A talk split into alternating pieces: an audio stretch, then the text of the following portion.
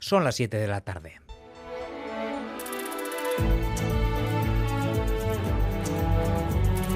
Gambara con John Fernández Muro.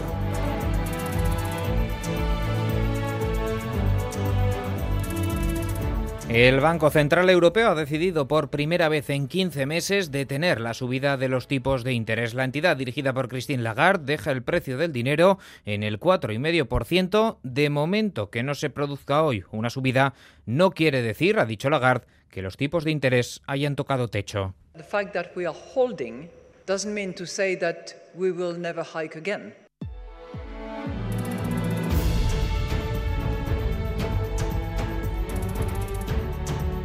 ¿Qué tal están? Arrachaldeón, Cuchabank sigue batiendo récords de resultados impulsado por los tipos de interés precisamente. El principal banco de Euskadi ha ganado en lo que va de año 385 millones de euros, un 54% más. El Santander ayer, el Banco Sabadell hoy, todo el sector bancario anuncia beneficios de récord. del impuesto a la banca y a las energéticas, en cambio, siguen recibiendo críticas. Antonio Garamendi, presidente de la COE, dice que son populistas. El problema grave que yo creo que estamos o podemos tener en nuestro país en estos momentos es aplicar fórmulas populistas, fórmulas que solo van en contra de las empresas. No estamos oyendo al gobierno, estamos oyendo a dos partidos. Son fórmulas que lo único que pueden hacer es entorpecer absolutamente eh, el crecimiento. Repsol, de hecho, amenaza con dejar de invertir en España, pero el gobierno no se arruga. Ministra de Hacienda, María Jesús Montero. Vean ustedes los datos de beneficio que con el impuesto ya vigente están teniendo estas empresas para que ustedes conozcan que en este momento son dos sectores al alza que tienen que contribuir de forma significativa a eh, la financiación de los servicios públicos y del estado del bienestar.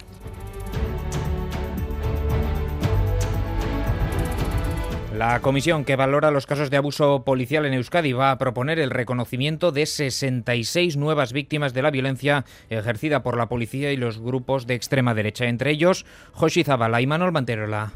Sí, son 11 mujeres y 55 hombres que sufrieron violencia policial o de grupos de extrema derecha. Tercer informe de la Comisión de Valoración que elevará a 141 a las víctimas de vulneraciones de derechos humanos por motivación política reconocidas oficialmente. Este último informe recoge el caso de Joshi Zabala, catalogado como muerte tras secuestro, desaparición forzada, torturas y asesinato. Por una cuestión de plazos, el reconocimiento de José Anlasa quedará para más adelante. La Comisión dará cuenta de sus resoluciones el lunes en el Parlamento Vasco. Y en el mundo las miradas siguen centradas en Gaza. Los 27 Estados miembros de la Unión Europea tratan de acordar un documento. Todo apunta a que pedirán pausas humanitarias. El presidente del Consejo, Charles Michel, decía a su llegada a la reunión que es importante que los 27 se muestren unidos.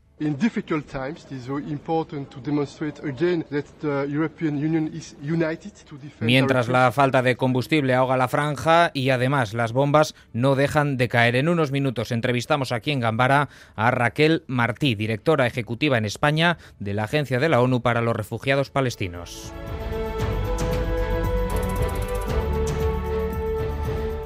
Y en carreteras día muy complicado debido a la lluvia. ¿Cuál es la situación a esta hora, Edermenchaca?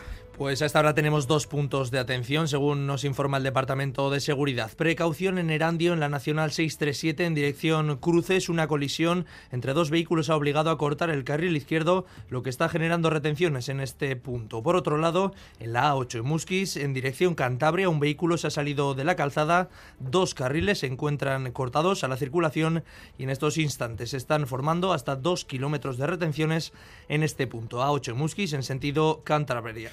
Por ello, recuerden extremar la precaución. Y es tiempo ya para la información deportiva. Edu García, Rachaldeón. ¿Qué tal, Rachaldeón? Mirando a Atenas, donde mañana jugará Basconia en la quinta jornada de la Euroliga ante el Panathinaikos, pero con la duda de saber si va a ser o no el último partido de Joan Peñarroya como técnico del conjunto vasconista. Se da por hecho que el Vasconia tiene ya amarrada la, la, contratación, mejor dicho, la llegada de Dusko Ivanovic, en la que sería cuarta etapa del técnico montenegrino al banquillo azulgrana, y que Peñarroya puede dirigir mañana, gane o pierda, su último partido como mister del Vasconia. Y evidentemente es un partido importante porque el equipo viene de perder tres eh, encuentros consecutivos, dos de ellos de Euroliga, la pasada semana en casa, y está obligado a remontar el vuelo ante Panathinaikos. Vamos a ver qué sucede y si finalmente es o no ese último partido. Y una más de hoy, esta es de ciclismo, Oscar Rodríguez, el corredor navarro, hasta ahora en el equipo Movistar, ha fichado por el conjunto Ineos para las tres próximas temporadas.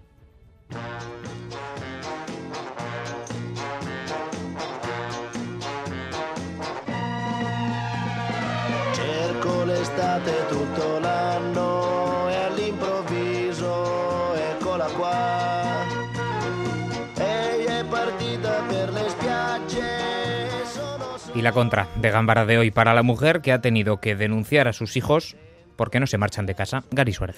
Es bien sabido que con el precio de las viviendas como está o por la dificultad de encontrar trabajos estables, muchos jóvenes no pueden irse de casa y la, y la edad media a la que nos emancipamos ha subido bastante durante los últimos años. Pero este caso ocurrido en Pavía, en el norte de Italia, y que ha desvelado el periódico La Provincia Pavese, va bastante más allá. Y es que Simona Catervi, de 75 años, ha tenido que recurrir a la justicia para hacer que sus hijos de 42 y 40 años se marchen a vivir fuera de su casa.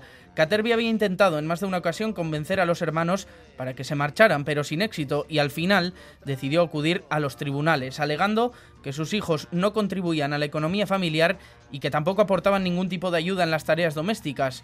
Y los tribunales le han dado la razón. Tanto es así que un juez ha dictaminado que los dos hombres tienen que marcharse. La razón principal que ya no parece justificable que los dos hombres de más de 40 años tengan que vivir en el mismo domicilio que su madre.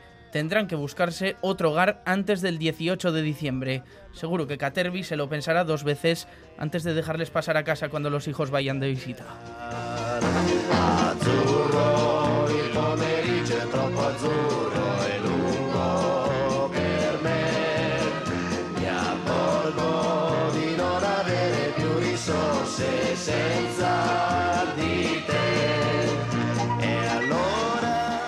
Miguel Ortiz y Alberto Zubeldia en el control técnico y Cristina Vázquez en la producción, comenzamos.